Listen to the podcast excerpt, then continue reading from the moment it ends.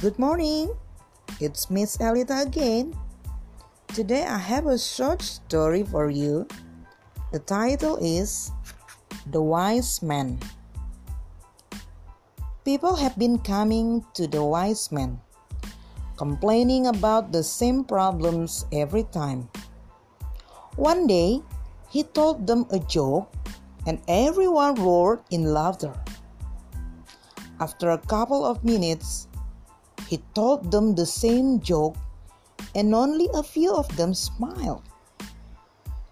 When he told the same joke for third time, no one laughed anymore. The wise man smiled and said, You can't laugh at the same joke over and over. So why are you always crying about the same problem? So, the student, what is the moral of the story? Worry or complain didn't fix your problem.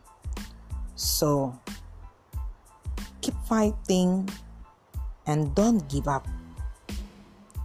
Thank you.